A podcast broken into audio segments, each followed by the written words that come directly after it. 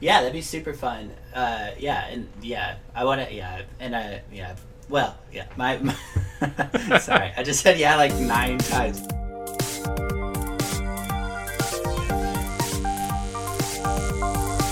Well, I'm not a crook.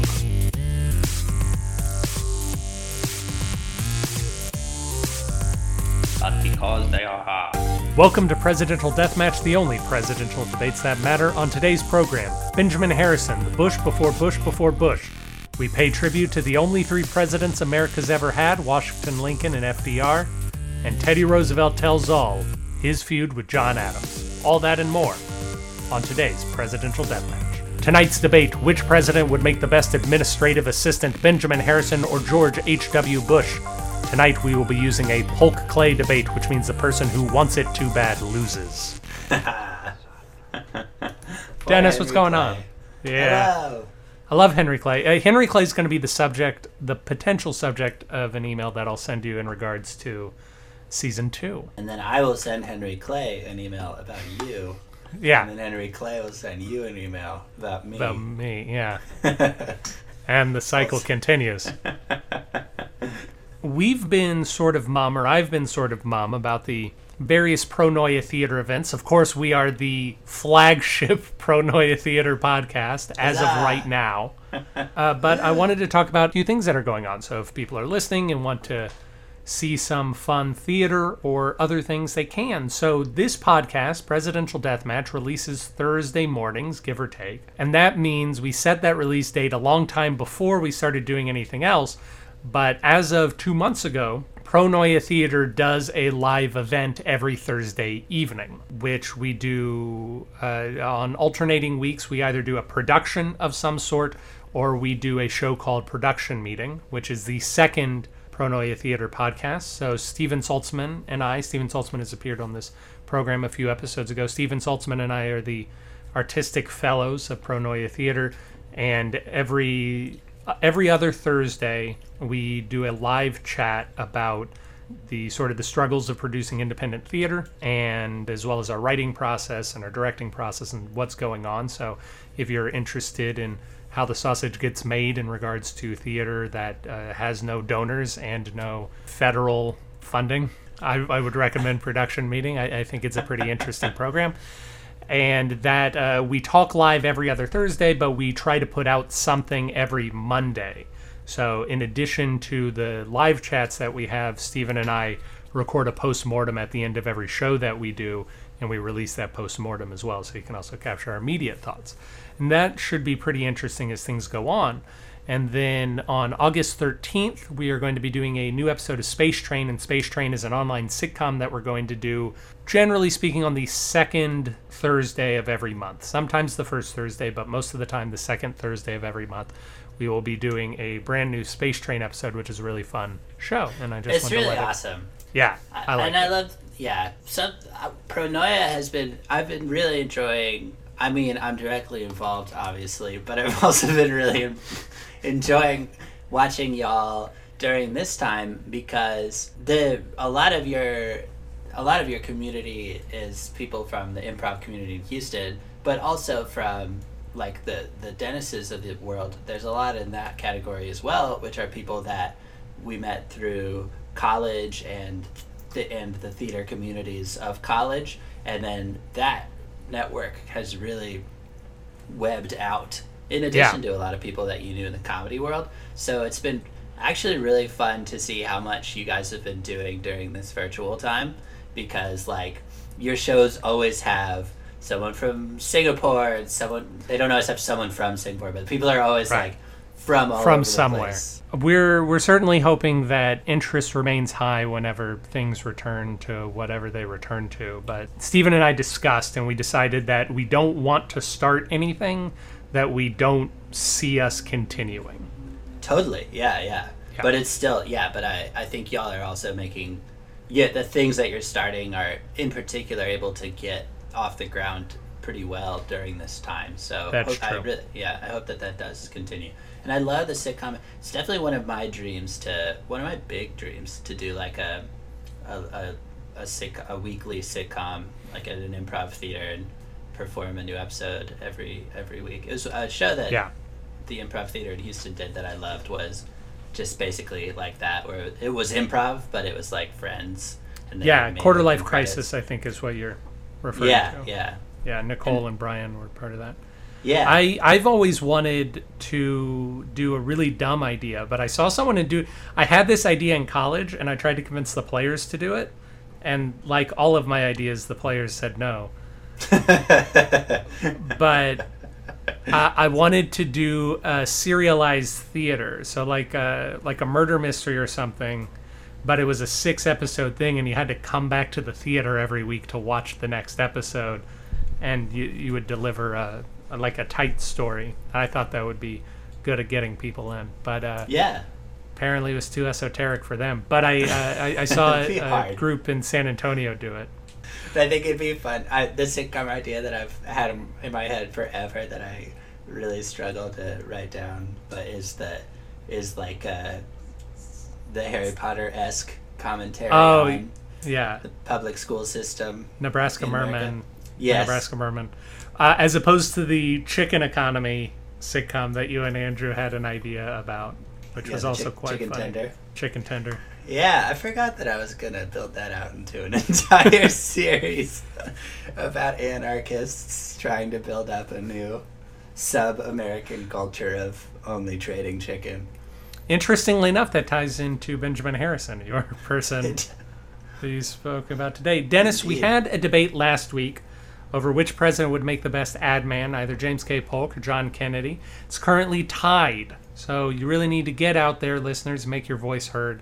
It was a really fun episode. Very much enjoyed listening back. I appreciated listening back how I had such a gimme candidate and really did as little with it as I could. and, and you and you really you really made Polk uh, work for it because he had to. But you Yeah, he had to. Polk wanted it more. Polk was hungrier, unlike in his presidential battle with Henry Clay. And then, Dennis, of course, two weeks ago we had a debate on which was the ghostiest president, either Zachary Taylor Thomas or I've forgotten who I picked because he lost. Oh, James Garfield, James Garfieldini. Zachary Taylor won the day handily. Huzzah! I think uh, again, I think you really got people with the "he was a ghost all along" argument that you pulled out in the in the final moments of the debate. Our What a first bold president. gambit. Dennis, do you have any retractions? I have week. retractions. One retraction is that I made the uh, bold claim that Taylor Swift just released a song about the Kennedys. And this was based off of uh, Carolyn telling me things, as usual, that she would, but she didn't say, "Oh, I know this." She said, uh, she said that there's rumors that it's about the Kennedys. I took it as fact, and then repeated it on the podcast. When in fact, the, the song is about Rebecca Harkness, Rebecca West Harkness, who is the wife of an oil baron. She was not. She was like born in 1915 or something, but she owned this mansion before Taylor Swift owned it. And uh, What a relatable song. I, I know, yeah. It's called. What a beautiful, humble origin story for this slice of classic Americana. Taylor Swift showing that she still understands her roots and her fans. Indeed. I really disliked that album. I don't know if you listened to it. My wife made me listen to it. I really disliked Folklore. it. Yeah. I listened to only just a touch of it. It's uh, yeah, it's very low key. It's incredibly boring. the lyrics are meaningless and trite and it's it's just dumb. I think if I'm ever able to boldly put my stance on Taylor Swift anywhere semi-publicly, presidential deathmatch podcast. As as my wife said, it feels as though Taylor Swift just stopped growing in high school, and her entire worldview and her, the complexity she sees the world in is frozen in amber in approximately 2008. Dude, it reminds me of um, Bo Burnham, who I, whom I love, and I think is great. But he like he got big on YouTube when he was in high school. He's a comedian who does songs and stuff, and that and since that's when he got big, that became his brand. so that now teenage angst is like his brand no matter what he does because it's like the art that he like learned to create and, and refine so he's like he's a few years older than me so he's like 30 Yeah, he's he's gonna be thirty in uh, about two weeks. He's he's either a few days older or a few days younger than my best friend. oh okay i was my like how do best you know that? Yeah, my best friend's gonna be thirty in in about two weeks. Exactly two weeks, actually. He wrote a movie called Eighth Grade that really, really good. But it's about an eighth grade girl, and interviewed about it, he was saying that he like, why did he write a movie from the point of view of an eighth grade girl if he's like an almost thirty year old man?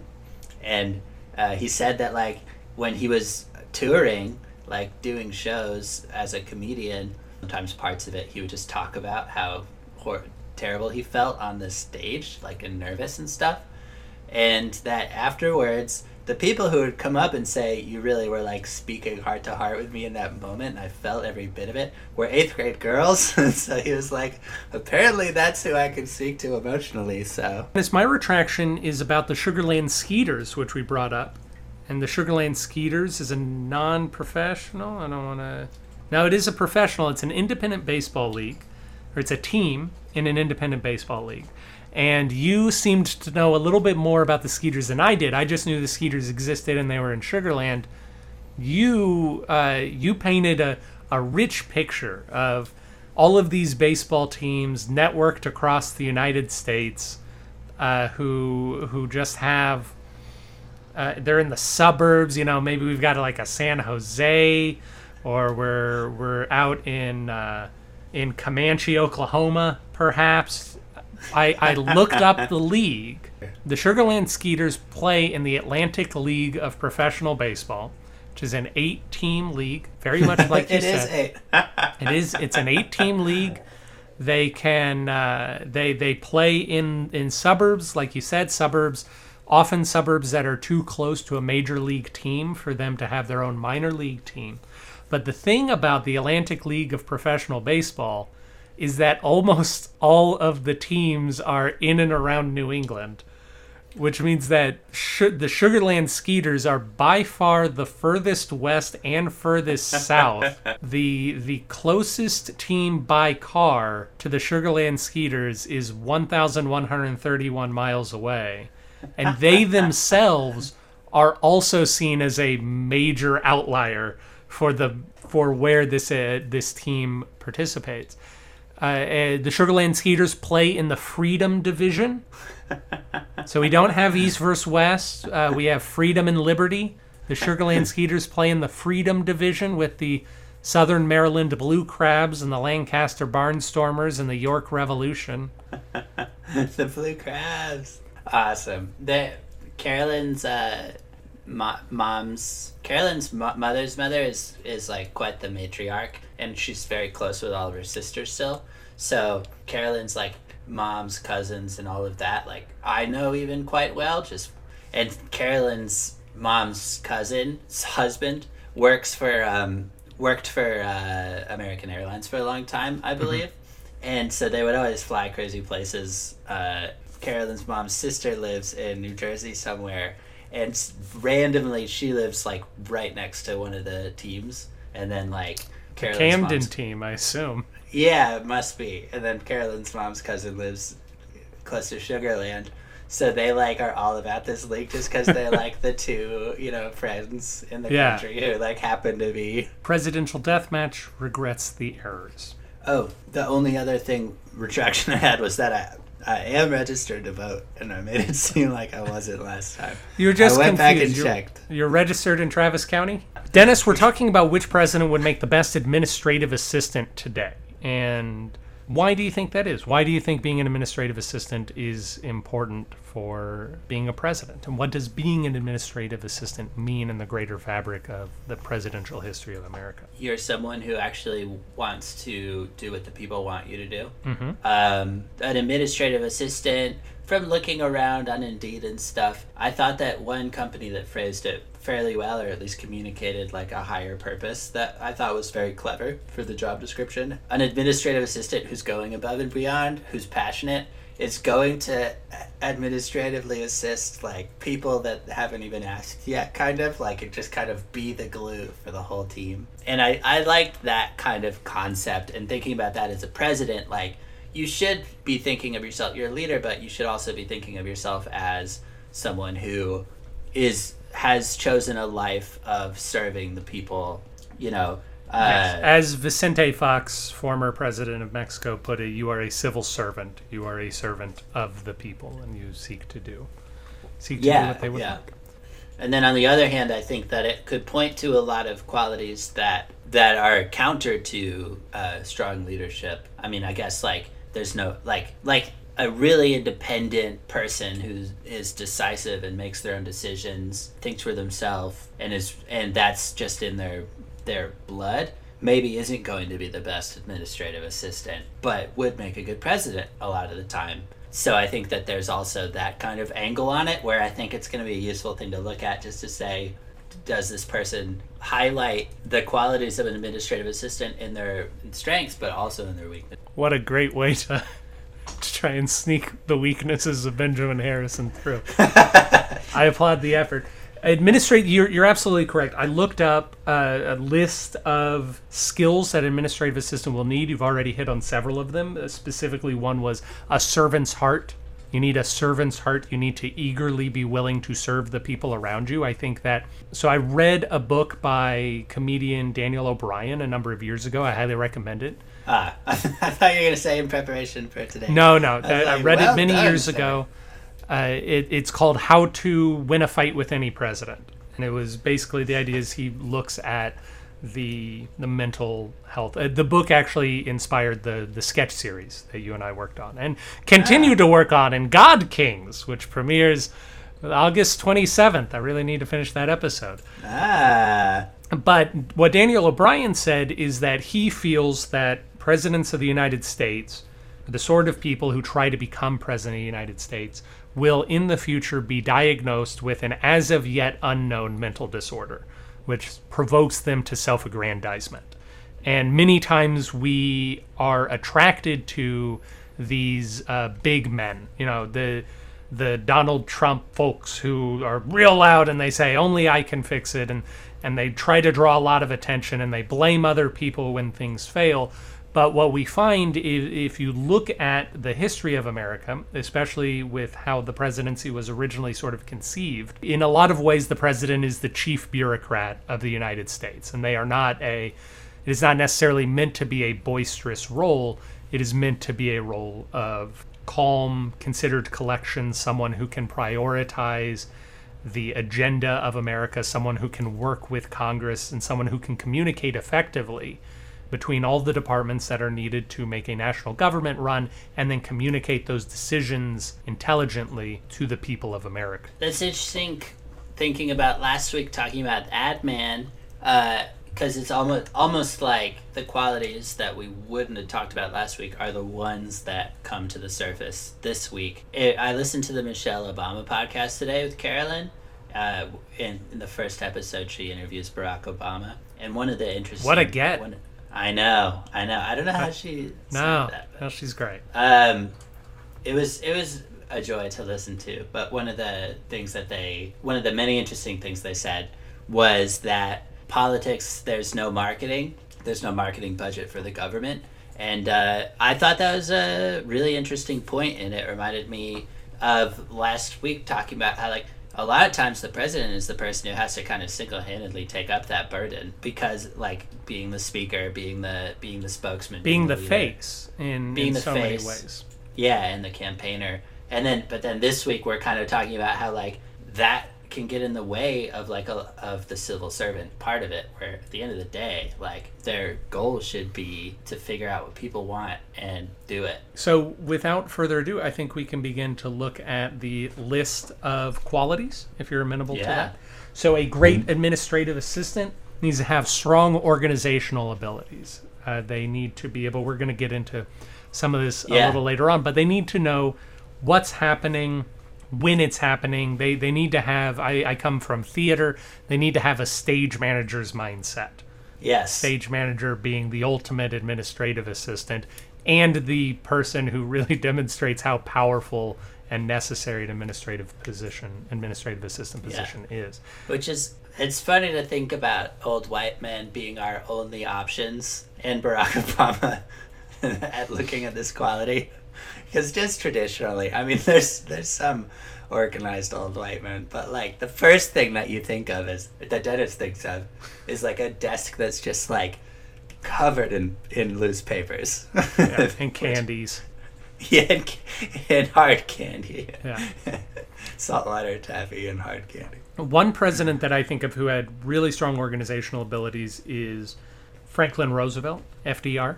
We spoke, I don't know if we spoke too much on this podcast about the aging effect of the presidency, how there appears to be a measurable aging that presidents Sure. go through. You can see it etched on their face that they, and in fact, all of our longest lived presidents have been one term presidents. Interesting. I didn't know that. Yeah, the uh, every John Adams lived to be like 91 and he held the record until Gerald Ford and then George H.W. Bush took it over from Gerald Ford and then Jimmy Carter took it over.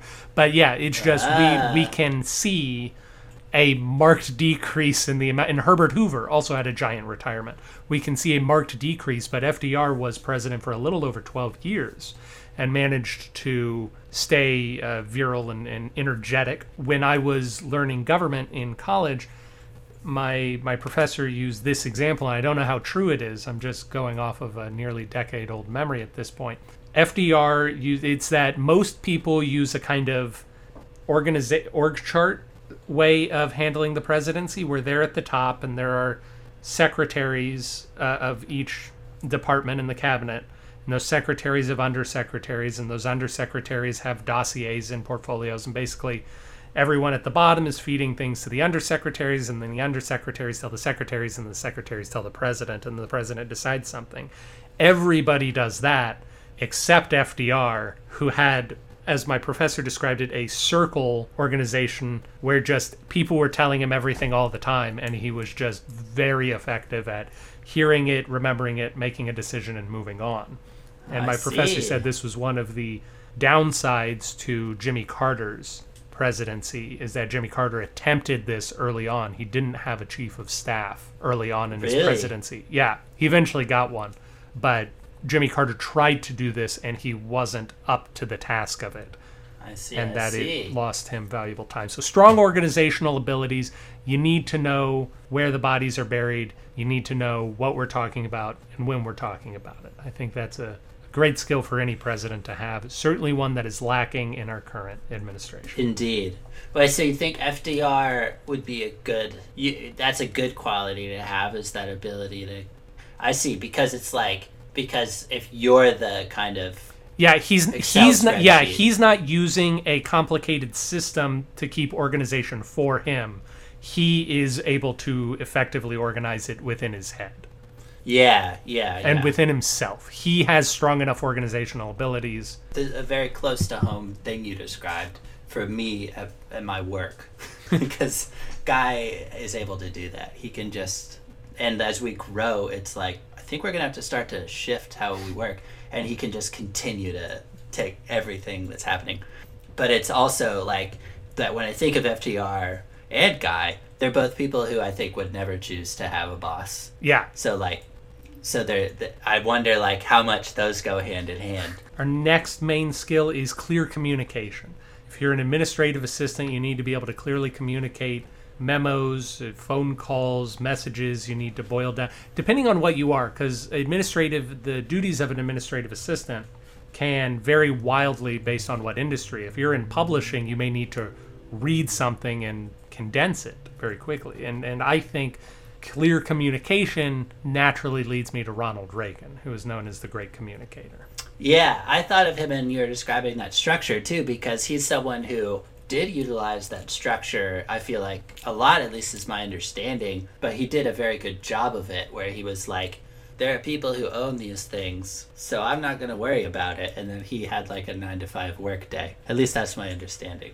I think this next skill can apply to most, if not all, presidents, but a good administrative assistant has initiative and drive. You described earlier the the thing that the company said uh, an administrative assistant who's going above and beyond will begin doing admin work for people they don't even know. I'm not entirely certain which presidents don't have initiative and drive. Yeah, yeah. That's the- the thing about looking at any job listing is like good problem solver, multitasker. The comment, the classic is a really good team player, but also a self starter who doesn't need others to tell them how to get to start. It's like yeah, yeah. Uh-huh. If someone became president, uh, they they could get they really they, they check the boxes of being able to work in a company. Where where I think this stands out as a little unique for the admin assistant, and this is speaking as someone who uh, I've never had an administrative assistant, but I am uh, my job title is technically assistant. I'm a production assistant production manager, so in some ways I function as an assistant for my boss, and also I have been in charge of teams before is that if if you're an administrative assistant who's having to call the boss for everything that's going on, that's not going to get you anywhere. You need to you need to be sort of high up on the uptake. I would if I had to hazard presidents who don't have initiative and drive, I would say uh, James Buchanan and maybe Calvin Coolidge. He was a guy who really enjoyed letting things slide. what I've gotten used to being able to do is know when I know the answer and know when I don't know the answer. So that if I know it, I could just do the job. And if I don't, that I don't try to just do the job. Not just being able to do everything that whoever their assistant can do, but being able to do a bunch of it and then knowing exactly what they can't do and when they don't know the, the answer. So good judgment, I guess. Yeah. Next up is honesty and discretion. This is primarily because, as an assistant, if you're taking dictation or if you're taking notes in a meeting, you're you're often going to be privy, privy to information that your boss has that other people in the company may not have. You can actually see a lot of fun examples of this in the television show The Office, where Pam is brought into a lot of meetings where the higher ups say, "All right, Michael, you're going to need to fire three people." Flip side of that coin for presidents is you need to accept responsibility. It's easy enough to say, "Oh, my Secretary of Energy screwed up and he needs to take a hike." But to be able to own own that, I think it's the same attitude. You don't have the need. You are being discreet in exactly where the problem lie, but you are taking on the responsibility for it because it is in fact your responsibility. Yeah, makes me think of Grover Cleveland. Almost everything makes me think of Grover Cleveland, if not Martin Van Buren. So we got the uh, we got the classic trifecta that you said. We do have creative problem solving on here. We have multitasking. We have time management. We have no resources. These are things that a human being should be able to do. No less a president should be able to do them as well. Here's an interesting one that I do think is particularly applicable to administrative assistants, though, and that's emotional intelligence. Someone who can have empathy for people coming in, because one presumes that you're going to be handling a lot of communication in between your boss and people who want to get into your boss. Is uh, they want to get your boss's time? That sounded a little more sexual than I meant it to. The first way I phrased it. Anything in the whole administrative assistant category is always threatened by the. the Yeah, by, by the, the umbrella of sex. Dennis, do you have any presidents that you think were particularly emotionally intelligent? Well, I guess I think of Ronald Reagan again as a, being an actor. Mm-hmm. Um, and I don't know if those really go hand in hand, but I think they do. I don't know how much acting is co- just confidence, but but I think at least part of it, Especially is in those emotional days. I would Yeah. say Bill Clinton for me. I think Bill Yeah. Clinton did exhibit in the 90s and continues to exhibit even now uh, a remarkable amount of emotional intelligence. Uh, you presumably did not read any of the post-mortem books of the 2016 election at all? No, no. So there are several books. There, there's a genre of book where people who are high up in the Clinton campaign try to blame different people who are high up in the Clinton campaign for the campaign's failure. But a weird running through line in a lot of these books is that Bill Clinton will just kind of appear and say something like, "Huh." Maybe we should worry a little bit more about Pennsylvania, I think. And everyone said, Bill, get out of here. And you go, all right. I just think Pennsylvania, Michigan Wisconsin. Maybe we shouldn't take them for granted. All right, all right. I'll just go back out, make some speeches, but you do what you need to do. That's funny. Adaptability. Someone who can roll with the punches. I think that we can understand that where that's important for the president. Even uh, someone like FDR who comes in having to. I mean, that's why we got rid of Hoover. Hoover could not adapt to the fact that Yeah. that the Great Depression was happening. He could not wrap his mind around it and change. Uh, FDR could. FDR was very skilled at that. Someone like Monroe too. yeah Monroe. I think of Monroe.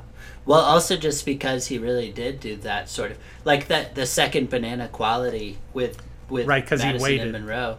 And he not only, waited. yeah, he not Monroe. Correct me if I'm wrong. I don't believe I am. Monroe was simultaneously the Secretary of War and Secretary of State. I very much identify with this personally. I've always felt that I'm good at being a fast follower. Yeah, you're good at seeing where the support's needed and putting the support there. Thank you. You're welcome. I, I didn't mean to be reaching for a compliment there. no, but I, I also think that plays into the administrative assistant role. It's someone who can see where support is needed and Yeah. put the support there. You can get the support there before it is needed. You can sort of build the train. Tra- Everyone's going to praise the train that's going fast, but you can see where the train's going and put the tracks where they need to go so that it doesn't crash into a town. the the hope the hope being that people don't notice that you're doing anything. Yeah. I think is is an interesting. That's how I approach things a lot, and that's how an administrative assistant should approach things a lot. Is like people shouldn't even realize how much they're helping, or a lot of the little things. I'm not talking about myself anymore because I'm that that that good administrator. And I think with a president, Maybe, maybe not. Calvin Coolidge, again, a lot of the rhetoric around Joe Biden right now is that people want a president that they don't have to think about. Yeah, that yeah, or yeah, and I guess again with uh, Grover Cleveland, I think I'm thinking of someone else too, but just like some being a conservative president, I could like you brought up Coolidge. Coolidge, yeah. It's a lot of like say staying quiet and saying no at times when when people didn't would have definitely noticed how much of a shakeup there was and kind of kind of that thing and knowing how to stay the course quietly. There's a fascinating thing, and I do believe that we spoke about it a few weeks ago in regards to Chester A. Arthur, where the way we have viewed the presidency has changed. And it specifically changed. It changed irrevocably or permanently, or maybe not permanently, but it had a big sea change with Woodrow Wilson, and that was sort of uh, a precursor to Theodore Roosevelt. Or, sorry, Theodore Roosevelt was a precursor to Woodrow Wilson, and Woodrow Wilson is where we saw the God King presidency really takes shape. The presidency where it says, I am the leader, I am the person you are going to look to for guidance, I am going to set the tone for all of these conversations, the sort of big monarchical style of leadership. But between Roosevelt and Woodrow Wilson, you had William Taft. And William Taft was belonged to the older school presidential mindset of McKinley or Cleveland or Arthur, where he viewed himself as uh, not a bookkeeper exactly, but as an organizer. He viewed himself as someone who was there to consult with Congress and try to say, Congress, this is what I think we should be focusing on, roughly where I think we should go. This is how my executive this is how I would use my executive abilities in order to make that happen. We have since majorly gotten away from that attitude, and as we get away from that attitude, we get presidents who are bigger and bolder and louder, but not nearly as effective. Yeah, through the whole 20th century. Would you say that Taft was the last quiet president? No, I would say that the person I'm arguing for today, George H.W. Bush, was the last quiet president. Ah, and that he was uh, a man who sort of in the not in the wrong place in time because I do think it's the appropriate role for a president. So I kind of believe all the other presidents are wrong. But Taft was the last person elected with that mindset. So Bush kind of had to puff himself up in order to get elected. but once elected, he he pursued a calmer method of administration. Yeah. So I would say that Taft was the the last. Oh, maybe Coolidge. Coolidge had the advantage of ascending to the presidency. So let's say that Taft was the last person who became president on his own, quote unquote, by being quiet and by being a, a bookkeeper and a sort of tax uh-huh. accountant esque physique. Yeah, yeah. He was a cool guy. He, I mean, well, as He far was. as becoming president, he kind of rode the TR wave, right? TR endorsed him, but he Right, still yeah, yeah. he still had a fight in the 1908 convention. Yeah, so it wasn't a rubber stamp. Yeah, Teddy Roosevelt gets a lot of recognition for trust busting, Yeah. uh, and really like taking on monopolies. Uh, but Taft actually did more of that. But like Teddy Roosevelt kind of gets remembered for it, um, for being, I guess, before Taft, but then also because he's Teddy Roosevelt.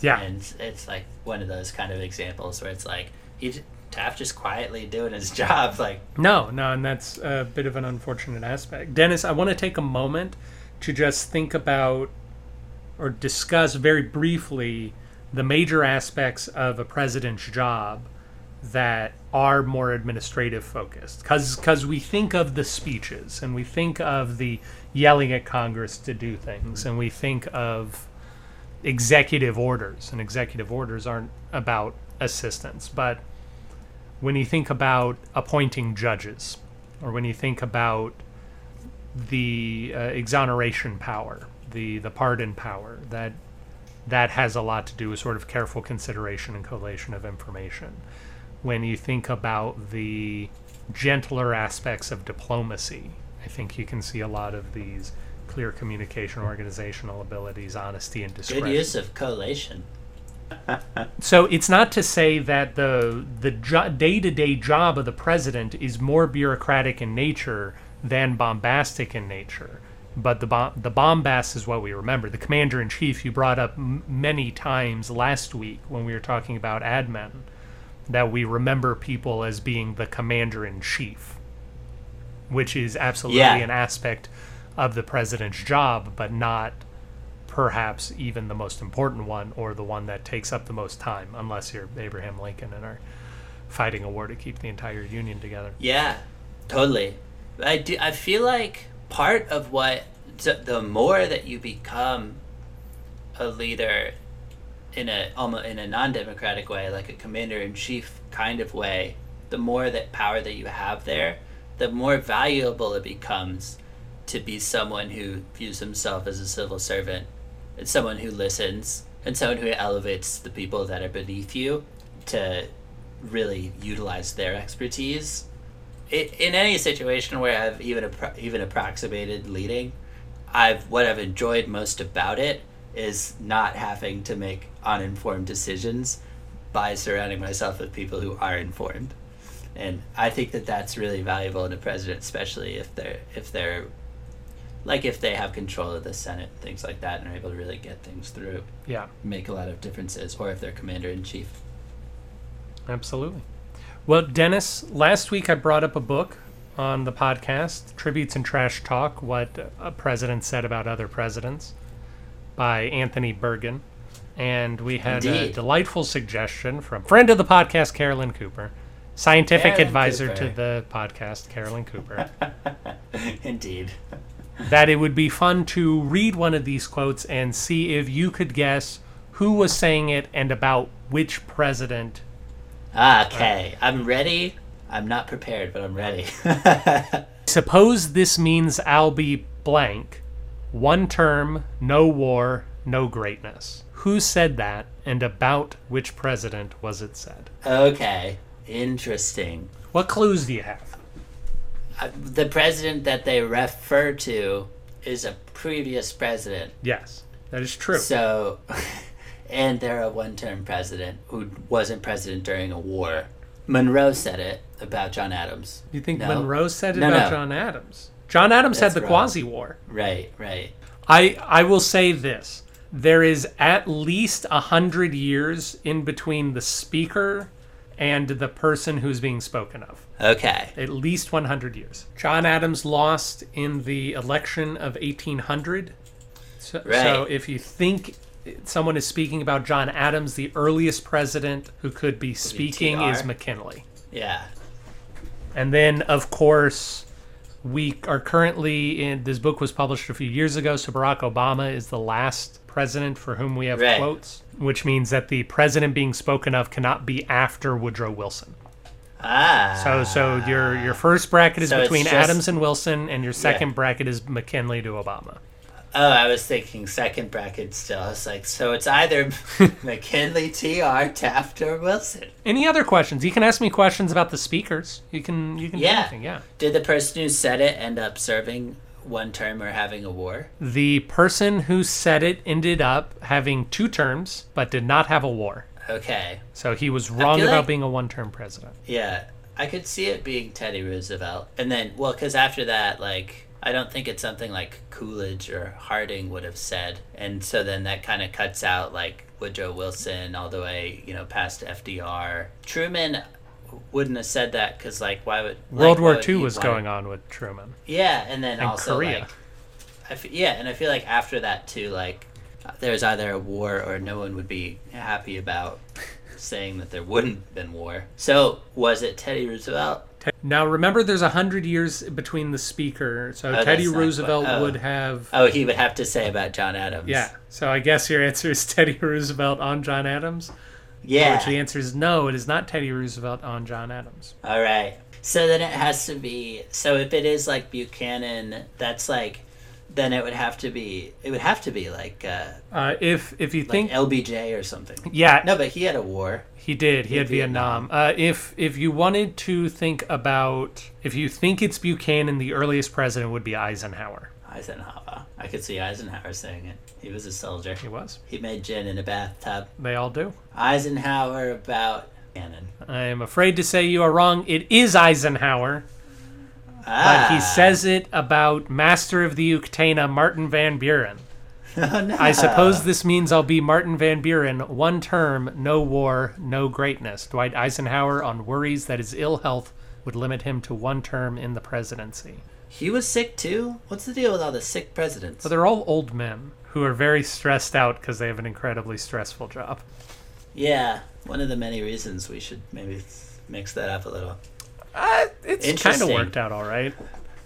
We've had relatively few presidents die in office, if you think about it. If you want to get a sense of what John Quincy Adams sounded like, John Quincy Adams uh, on Van Buren.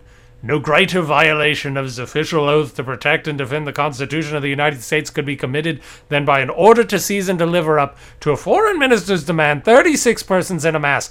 Was ever such a sense of Lilliputian trickery enacted by the rules of a great magnanimous and Christian nation? Oh my gosh, this is so verbose. That's awesome. It's not even the most verbose thing that John Quincy Adams says about Martin Van Buren on this page. He's the best. They said the the his historians suggest that he's our only genius president. Is that true? That's what I read on like some very buzzy website. Yeah, I I know that they believe he him to be our smartest president. I am intrigued by the claim of our only genius president because Right, I would put like Madison down as probably a genius. right. Yeah. Yeah. Or and also just because like, just because like that means that the people who wrote that article are basing it off research that was bold enough to take IQ tests for every president. Yeah, that's based true. on- based only on documents and other things that they had. but that's what they said. Uh, yeah, that was a hard game. It was harder than I was expecting. Yeah, I think I think you should make liberal use of your ability to ask questions in the future. Indeed. I think it's uh, really interesting because it points to the idea of legacy and how war is intrinsic to legacy. Because most of our best known presidents and most respected presidents were presidents during times of war, or they are presidents who exhibited war, such as Martin Van, uh, not Martin Van Buren, uh, such as Teddy Roosevelt. Teddy Roosevelt did not have a war, but he tried to start them Yeah, by sending ships was- around. yeah. And he was a man who kind of, as a as another person put it, I I forget who, thought that war was just kind of calisthenics for the nation. He thought war Yeah. got the blood pumping in the morning for a nation. he was all he was known for like being a rough rider and stuff too. Yeah. like people, and that was part of what everyone always talks about with him, and it didn't even have anything to do with his presidency. Yeah, it's like funny because like what if there's anything I've kind of taken away from this podcast, it's that we have essentially have three presidents in our history: George Washington, Abraham Lincoln, and FDR. And then if you go like one and Obama, I guess, and if you go like one layer deeper, you get like TR, and I don't even know who else. I'm not. Are you, like, are you just talking about in terms of public consciousness? Yeah, Okay. yeah. Yeah. Yeah, no, So, there's um especially when people like Chester A. Arthur, who number one did not have a full term even. He had less than a full term, but he passed the Pendleton Civil Service Act, which is responsible for the fact that Donald Trump doesn't get to appoint your mailman. That's a fairly large and important thing in our in our history. Or we look to even even presidents we kind of revile, like Richard Nixon, who began the EPA, and the EPA is seen eh, by different people as effective or ineffective, but just this idea that there are a lot of things that are put into place that we don't really pay attention to. And I also think it's interesting that he's worried. He also, uh, Eisenhower also links no greatness to being a one term president. I could not. Yeah. It's sort of like being a uh, Mike Trout. Do you know who Mike Trout is? Trout, trout, trout. Yeah, that's it. Mike Trout is by by most metrics the probably the greatest baseball player who has ever existed. Like, Ah, he's just interesting. just a phenomenal player who's amazing at hitting and he's amazing at fielding. And he is uh, the certainly the best player in the game currently. And he is far and away the best player uh, statistically that has ever existed in baseball. But he plays on the Angels and the Angels is not a historically very good team. They're not in championship contention. And so will Mike Trout be remembered by history if he doesn't win a championship Interesting. It'll depend on if they do a reboot of the infamous film featuring a very young Joseph Gordon-Levitt, Angels in the Angels in Outfield. the outfield. Good. All right. Then, when we come back, Dennis and I will debate which president makes the best administrative assistant. Don't go away. Welcome back. Hello. Dennis and I are going to debate which president will make the best administrative assistant. I will be arguing for George Herbert Walker Bush, and Dennis will be arguing for. Benjamin Harrison. Dennis, did you ever go and listen to the voice sample of Benjamin Harrison?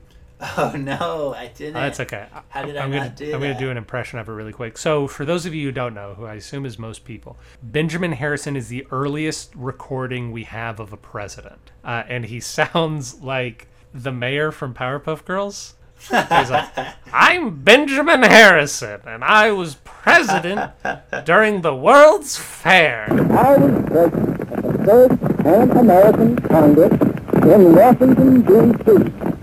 Benjamin Harrison. I am going to argue for George H.W. Bush.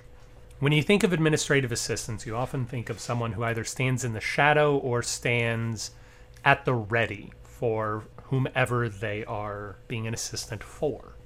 George H.W. Bush was a consummate assistant, quote unquote, organizational person for countless presidents over his long tenure of service. He's the only president to serve as director of the CIA, ambassador to the United Nations, chairman of the Uni- um, Ways and Means Committee, as well as be a senior advisor to a president. He was considered on three different occasions to become the vice president of the United States, twice under Richard Nixon. Richard Nixon was originally going to choose him instead of Spiro Agnew. Richard Nixon also thought about choosing H.W. Bush uh, in place of Ford. And then, of course, Bush was chosen for Ronald Reagan. And I think that speaks to the the abilities because pe- what people want of their vice president is someone to handle the Senate and be able to be a good reflection on them. And I think that is an underserved and underspoken value of an administrative assistant. You have to have honesty and discretion. H.W. Bush was specifically known for his honesty. He was soft spoken. He was chairman of the RNC, which means that he was in charge of the entire Republican Party. He was in charge of soliciting the opinions of people to draft their the Republican Party platform, and then he was responsible for broadcasting that to the world. He was also, I, I know I'm just listing titles, but I think it is very important to understand how many different jobs George Bush had in which the, his principal value was the ability to organize information and clearly communicate it. He was a professor of administrative science at a place called Rice University. I don't know if, if you know that, Dennis. Ah, I didn't know that. He ran cabinet meetings for Ronald Reagan during Ronald Reagan's presidency. And he was described by Richard Rose as a guardian president. And I think that if we think of an administrative assistant, we often think of a guardian for the time of the person they are serving. And who did H.W. Bush serve but America? I have uh, used up all of my time, unfortunately, just listing his resume. But I, I hope that uh, in, in further questions we will be able to, to deal with that uh, to explore this in greater detail. And I think that just those jobs and his success in those jobs demonstrate how good he was at organization, clear communication, and Sure. collection of information. So, was he uh was he passionate and was he someone who was always working towards becoming president? It's hard to say. He certainly wanted. He ran for president in 1980 against Ronald Reagan, uh, like in the primaries.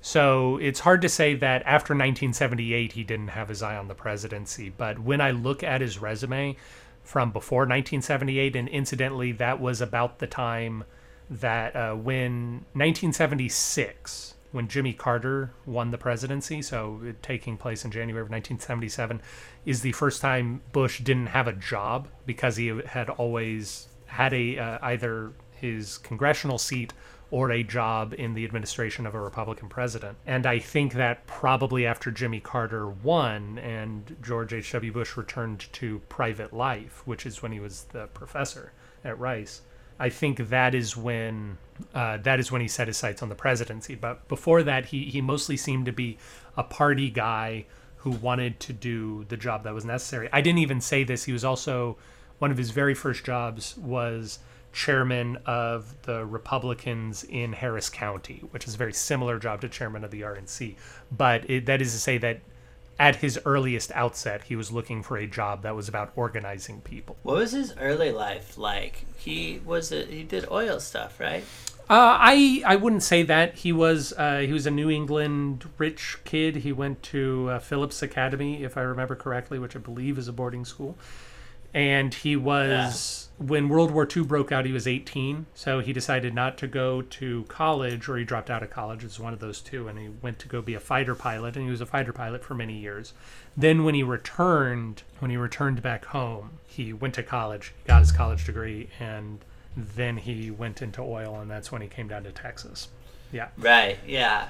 So he gets into politics. He meets Eisenhower when Eisenhower's president in the 50s. He, he becomes chairman in the 60s, which would probably make him in his early 30s at that point when he when he starts getting into politics in a serious way. The um, So basically, he like started his career after World War Two. the sequel. Electric Boogaloo. Mm-hmm. the he starts his career by doing oil stuff and then makes a pretty penny pretty quickly and then decides to switch to civil service. Yes. Interesting. What I'm curious about is yeah, like, you know, he he seems like he was a really competent person, fighter pilot, you know, very uh very much someone who is great at operating within a system, but yeah, in, in order to continue to rise up to greater heights and uh, and be you know hero in that context. Yeah, I think he he demonstrates really effectively what we said at the very beginning of the program, which is a servant's heart. He goes he goes to World War II because he feels strongly that it is an important thing to do, not to kill Germans or to kill Japanese, but it is an important thing to serve one's country. He goes into working for the Republicans because he believes that the Democrats have a view for America that he does not want to participate in et cetera, et cetera. He, he is a person who works for the community that he is within and works hard for that community. And I think that his actions as president, which we didn't really touch on anywhere in the argument, really bear that out. Uh, I didn't even get to say, although I'm saying it now, or he tied. He tied the number of judges that FDR nominated or got through. He appointed, sorry, he successfully appointed the same number of judges that FDR did in FDR's 12 years in the presidency. And that is a, a highly organizational job. I don't know if you've ever read what it takes to nominate a judge or nominate anyone, but it, it is just a tremendous amount of jockeying and organization and making sure that they didn't fart in the wrong place at any particular time in their life. Interesting. Okay, so that's why it ended up going poorly. Yeah, if you say it Uh, poorly. it was successful. Yeah, yeah. But it was a rocky road. Yes, for sure. Uh, yeah. Um, yeah, shoot. Uh, okay. I don't, oh, I was, I think I was just gonna say that I thought it was interesting. Oh, why was he, uh, why didn't he get reelected? So he didn't get reelected uh, potentially because of Ross Perot, quite frankly, more than because of Bill Clinton. On the one hand, he was seen as it's very hard for a party at any point in American history to hold on to the presidency for more than two terms. That's just challenging. The American people want a turnover. The Republicans had power for 12 years, so just the the very basics of this is going against him to get a full 16 years of Republican Party rule. And so it was it, there was a feel that there was a time for a change. Late in 1992, there was an economic downturn that never really bodes well. And then Ross Perot, who was another Texas oil man, kind of got a bug up his ass about some of H.W. Bush's policies and really did a lot of damage, quite frankly, to to Bush that it's possible wouldn't have been done by by the Democrats or by Bill Clinton because Ross Perot was an independent who was just shouting about stagflation. If you've heard about stagflation, which is a combination of stagnation and inflation, where um, jobs are stagnating but inflation continues to rise because of economics. HW was uh, negotiating NAFTA during the time. Bill Clinton got NAFTA approved, but NAFTA was signed during H.W. Bush's presidency.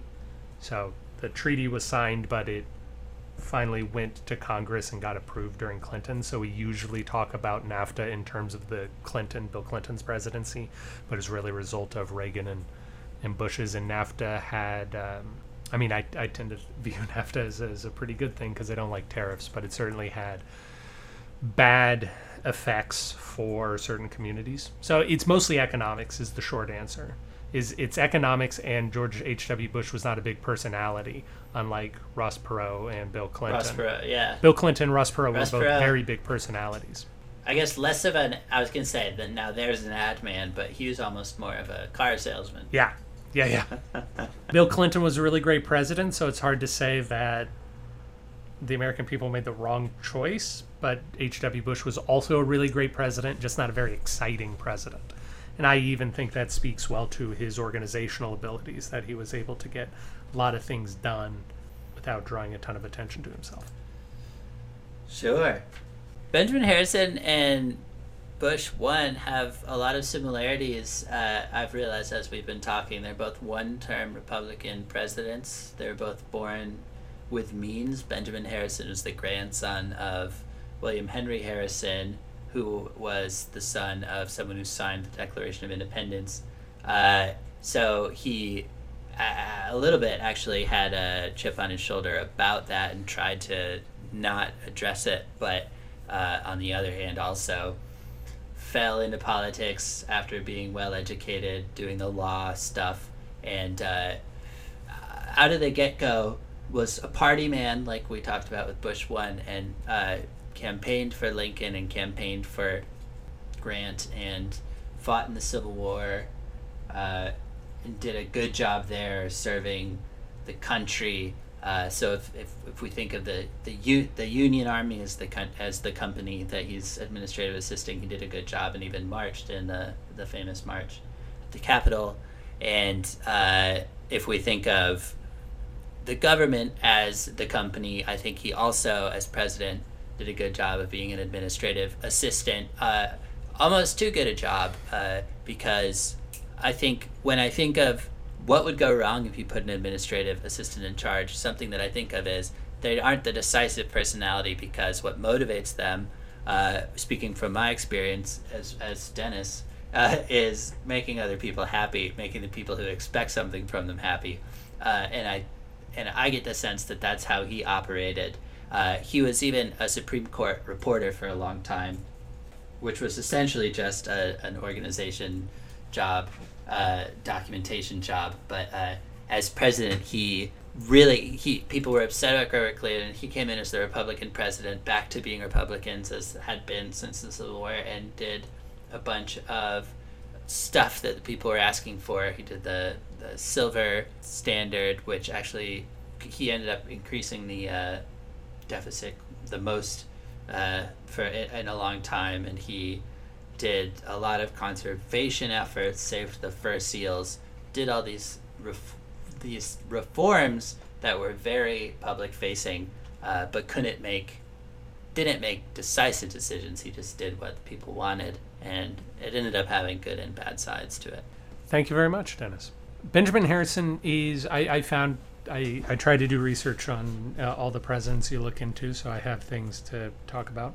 And Benjamin Harrison's a bit of a weird cipher. He he falls into an area of American history where we don't really ever delve in school, and his particular poli- like he f- he himself is the only person where America said we want you to lead it over the other guy, and then four years later they said no, the other guy was definitely better Yeah, and yeah. and and I feel like there's a lot of critical disagreement about who Benjamin Harrison was, what he was trying to do, and why he was trying to do it. But uh, and and I may sort of set you up to talk more about that. I want to point out that Benjamin Harrison, as you said, he ran up the federal deficit a bit. He got rid of the large surplus that Cleveland had managed to put into place. And the Harrison administration is the first administration in American history to run a budget of a billion dollars or higher. And that's Yes. 1892 money. yeah. So I guess I want to ask how do you defend like how do you defend his organizational skills or his communication or his ability to use resources wisely in the face of that sort of deficit control? A reason why either that's not a big deal or point out other aspects in his presidency or his life Yeah. that demonstrate more. Yeah.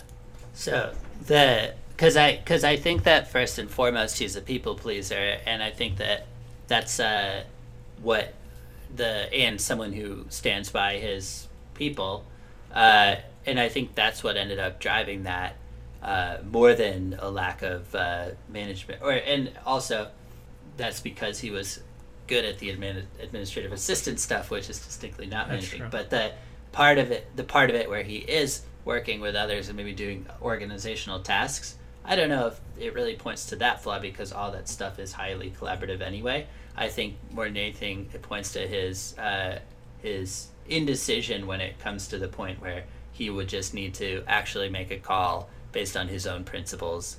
Uh, for example, he signed a lot of states that I've never been into, uh, as we can see on this map, into uh, into being states. So the Dakotas, Wyoming, um, Idaho, I believe.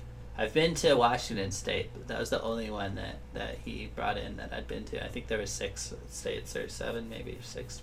When North and South Dakota got signed in, it was at the same time and he was so worried about causing trouble by signing one of the forms before the other one that he shuffled them and closed his eyes and signed them or like hid the names and signed them and so no one actually knows which which one became a state first uh, and it's just as like people just generally use alphabetical order if they're forced to put them all in order yeah so i think that that's just a small example of a time when he saw a situation where someone was going to be unhappy and he did everything he could to avoid it even though it was something pretty minor and the deficit is a natural result of that. I think of things like that. Okay. So I'm I might point out that uh, although people pleasing is a very good form of administrative uh, assistant, that uh, that is perhaps not a uh, the that is perhaps a bad mark on the sort of guardian guardianship aspects of administrative assistant. I don't I, I don't know if there's anything interesting in this vein, but what did he do after his presidency? Did he do anything after his presidency to continue to help support his party or anything of that nature? No, he's a yeah, kind of weird. He like he his wife died like right at the end of his presidency, and then he he didn't really want to be president again, so he was kind of relieved, I think, and uh, then like married like his niece, like his wife's niece, but that's his niece. I don't know. It's weird.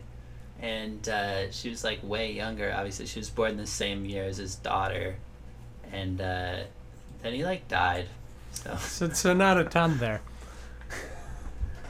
not a ton. I think one of the things he was he he was a good communicator, even with his funny voice. He was a good speaker. Uh, and I think that was one of the things that he was drawn to as well that he liked about the career. So he, like I said, he campaigned for like Lincoln and Grant and others early on, and for himself, and liked to do those speeches, and was considered one of the one of the most extemporaneous speakers of his day. And I think, uh, yeah, maybe maybe uh, yeah, which is a good administrative assistant quality, but good communicator and everything. But I think maybe yeah, he might have continued to do some of that in his retirement. Excellent. And I, I am hesitant to give you anything that Harrison can hang his hat on, but I, since you did not bring it up, I feel compelled to do so. That in addition to signing in the largest number of states into the Union as any other president, I believe Benjamin Harrison also appointed the second most Supreme Court justices to the the bench, second only to George Washington, who of course filled the bench the first time. Indeed, he he he is the one who actually picked the team. That that is true. Yeah, I'm not I'm not entirely certain I have too many more questions about Benjamin Harrison. I guess on that note, I think it's also worth noting that you, as you said, someone who lives in the shadows, and he is like definitely one of the dullest um, presidents. I think was a dull person, uh, like kind of like people said that he was like not even so far as to say stiff because that would be like a real like personality trait, but like not like so I mean maybe it's a point against him in personability, but I think that because I like I said I think he my interpretation is that he's a people pleaser, but I think he was also a pretty serious professional person. I like imagining in that administrative assistant role both of these presidents because having come from means having family in the biz, I guess what Bush didn't, but what Harrison did, and then like imagining them like working secretarially Benjamin Harrison being annoyed when people keep talking about his grandfather and like and then like being being a good at getting points across but then also like very no nonsense getting out of the room to like go continue to do something else or whatever i don't know he very much fills that role in my mind but then also when you go home at night after a day at work like you, you he never comes up in your head as someone that you interacted with Yeah. today you know Oh, that is true. it's humorous to me after this conversation to realize how similar the presidents are and i almost wonder if after more time passes if history looking back will see them more similarly uh, than we do now just because we're close enough to bush one that uh, it's a lot different. But if you imagine someone like clinton getting elected instead of bush after because it was reagan right before Yeah. that right? So after eight years of reagan people if a democrat got elected and then people were like no we just wanted more reagan and then you elected someone and they said actually you know what? We were good with clinton and that like if you just switched it like that it would really feel pretty similar to uh, the harrison cleveland situation Yeah, that's true. You're not you're not wrong about that. well, as always, you can vote on which president you think would make the best administrative assistant, either George H.W. Bush or Benjamin Harrison, in the link in the description below. Dennis, we theoretically know what we're doing to close out season one at this point. We we don't know what order we're doing them in, but we are going to be joined by Jessica Kelly to talk about which president would make the best final girl, possibly next week. And we are hoping to have Andrew Heaton on to discuss the Whigs, just the sort of overall idea of the Whigs and what being a Whig meant uh, in the past and what being a Whig meant now. And we will argue over who is the best Whig president. And then we are uh, we have not decided on the final topic for uh, for our season ender, but but it is it is something exciting, I am sure. Indeed. All right, what Looking forward to it. absolutely, Dennis. Until until next week. Goodbye.